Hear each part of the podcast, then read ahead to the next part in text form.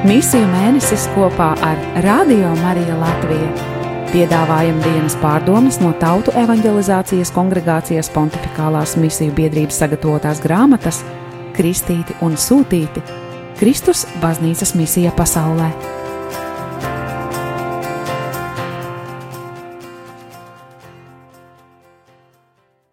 2019. gada 3. oktobris. Ceturtdiena, parastā liturģiskā laika 26. nedēļa.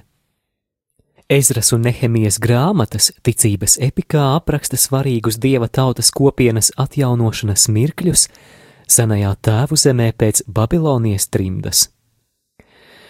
Nelaimi un ciešanu vidū kunga plāns, kas jau tika paziņots Isaija 55. nodaļā no 12. līdz 13. pantam, tiek īstenots pat ar Persijas Ahemanīdu pagānu karaļa Kīra lēmumu, saskaņā gan ar otrās kroniku grāmatas 36. nodaļas 22. un 23. pantu, gan Ezras pirmās nodaļas 1. līdz 4. pantu. Kīra politika attiecībā uz ebreju etniski reliģisko minoritāti ir paša kunga vārda piepildīšana – Tomēr pat dažu trimdinieku atgriešanās netiek pasniegta kā lētas laimes epika. Kunga plāns tiek īstenots, vairākām karavānām atgriežoties no trimdas savā tēvu zemē, un svētajā vēsturē tas ir modelēts pēc Izrēla tautas atgriešanās apsolītajā zemē gadsimtus pēc viņu izceļošanas no Ēģiptes. Nehemija grāmatā tempļa un Jeruzalemes pilsētas atjaunošanas darbs tiek piepildīts caur kopienas reorganizāciju saskaņā ar likuma priekšrakstiem. Kopienas locekļiem plaši līdzdarbojoties dieva nama iesvētīšanas svētkos un atjaunojot derības solījumus. Vārda liturģijas svinības būdiņu svētkos ir izšķirošs solis pielūgsmes kopienas atjaunošanā tēvu zemē Svētku pirmajā dienā vārda liturģija notiek ārpus telpām, jo visa tēvu zeme ir svēta telpa, it īpaši Jeruzalemes pilsēta. Un Tora ir vēl vairāk nozīmīga nekā templis un tā upuri. Priesteri un rakstu mācītāju ezru ir jāredz un jāuzklausa visiem, jo viņš sludina Mūzus likumu. Citai cilvēku grupai Levītiem ir uzdevums lasīt likumu un izskaidrot cilvēkiem tā nozīmi. Vēlākās jūdu tradīcijas interpretēja darbības vārda izskaidrot nozīmi saistībā ar Bībeles teksta lasīšanu, kā aizsākumu tradīcijai pārfrāzēt ebreju valodā lasīto biblisko tekstu aramiešu valodā. Valodā, kur vislabāk zināja no Babilonas atgriezušies trimdinieki. Tas ir kā sākums svēto tekstu komentēšanai, midrašs, lai meklētu kungu caur viņa vārdu. Ļaudis reaģē uz kunga vārdu ar raudāšanu, kas ir patiesas grēku nožēlas pazīme, it īpaši par apziņu, ka ir grēkots pret paša kunga svētumu, un saskaņā ar pravietisko valodu ir nonicināta viņa mīlestība un žēlsirdība. Ar tā kunga žēlsirdību vārds ir sasniedzis visu sirdis un virza viņus uz atgriešanās ceļa. Šīs liturģiskās svinības atspoguļo daudz vairāk nekā sākotnējais vēsturiskais notikums. Tās kļūst par ikonu katrai ticīgo paaudzei. Bēdas un raudāšana tiek pārveidota par priecāšanos par no jauna atklāto kunga vārdu. Tie, kas cilvēkiem ir izskaidrojuši šo vārdu, var un arī tiem vajag palīdzēt grēku nožēlu pārvērst priekā. Nehemijas 8.11. Saskaņā ar atkārtotā likuma grāmatu 16 no 13. līdz 14. pantam tradīciju, ražas svētku festivālā, kas kļūst par būdiņu svētkiem, kas tiek svinēti, pieminot izceļošanu no tūkstneša, tiek aicināts daļu ražas atdot nabadzīgajiem kopienas locekļiem. Tas ir pats zemes pārvaldnieks Nehemijs, kurš liturģijas laikā aicina svētku banketu dalīt ar tiem, kam nekas nav sagatavots. Nehemijas 8.10.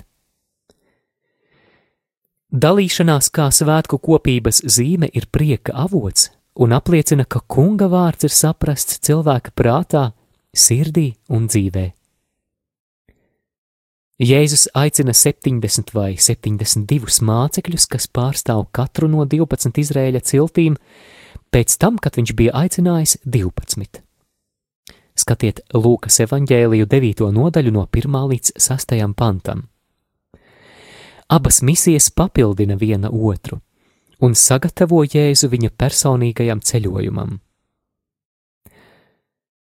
Gatavošanās misijai sastāv no piederības Jēzus mācekļu kopienai šī vārda plašākajā nozīmē, pat starp neebrejiem.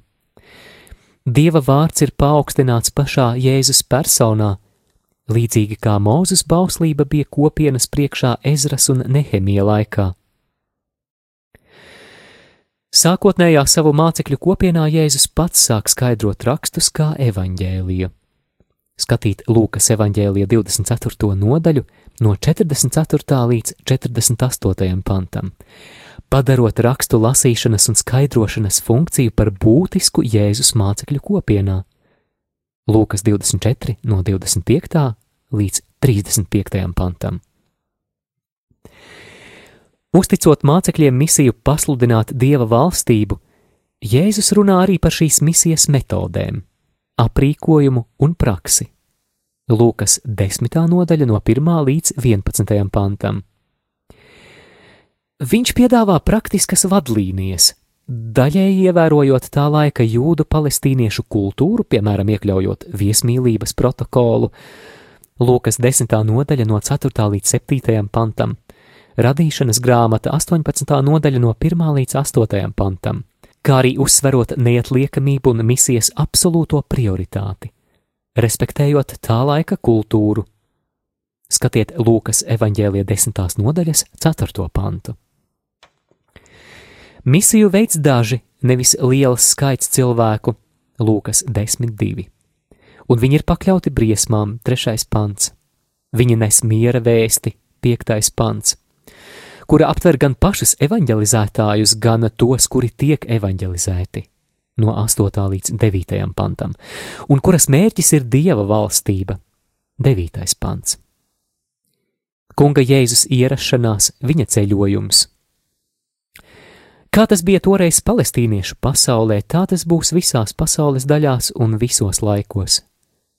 Pat Jēzus norādījumi par to, kā mācekļiem jāuzvedas, ja viņi tiek atraidīti sludinot Dieva valstību, ir saistībā ar misijas prioritāti. Lūkas 10. nodaļa no 10. līdz 11. pantam. To pašu praksi pārņems Pāvils un Barnaba saskaroties ar ebreju kopienas pretestību. Salīdziniet apakstuļu darbus 13. nodaļu no 44. līdz 51. pantam. Jēzus apliecina saviem misionāriem, ka pat tad, ja viņi tiek atraidīti, viņiem par to nav jāuztraucas, tas ir kunga ziņā. Lūkas 10.12. Jēzus noliekšana un vajāšana, kā arī Jēzus kā iespēja misionāriem mācekļiem piedalīties sava kunga ciešanu noslēpumā Paskā, kur gan piedāvātais vēstījums, gan pasludinātā valstība, gan viņa dievišķā cilvēciskā daba un Mēsijas un pestītāja liktenis attiecas tikai uz vienu - izpildīt tēva gribu pasaules glābšanas dēļ. Spriedums par pilsētu glābšanu, kas nāk caur Jēzu Kristu un Dieva valstības, kas ir klātesoša dēla personā, pasludināšana paliek vienīgi Dieva ziņā. Neviens nevar nosodīt un nolādēt, Misionāru mācekļiem jādek ar tādu pašu aizrautību un mīlestību pret pasauli, lai visi tiktu glābti. Dodoties meklēt vīriešus un sievietes no katras paudzes, no jebkuras vietas un pilsētas, lai neviens nepalaistu garām pestīšanas evaņģēlie pasludināšanu.